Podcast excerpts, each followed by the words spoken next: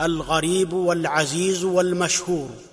وما به مطلقا الراو انفرد فهو الغريب وابن مندة فحد.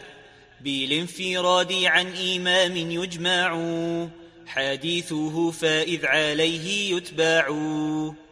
من واحد واثنين فالعزيز أو فوق فمشهور وكل قد رأوا منه الصحيح والضعيف ثم قد يغرب مطلقا أو اسنادا فقد.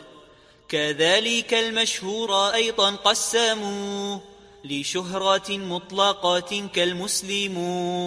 من سلم الحديث والمقصور على المحدثين من مشهور.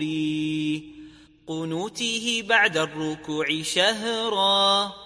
ومنه ذو تواتر مستقرا في طبقاته كمتن من كذب ففوق ستين راووه والعجب بأن ممن قد رواه العشرة وخص بالأمرين فيما ذكره.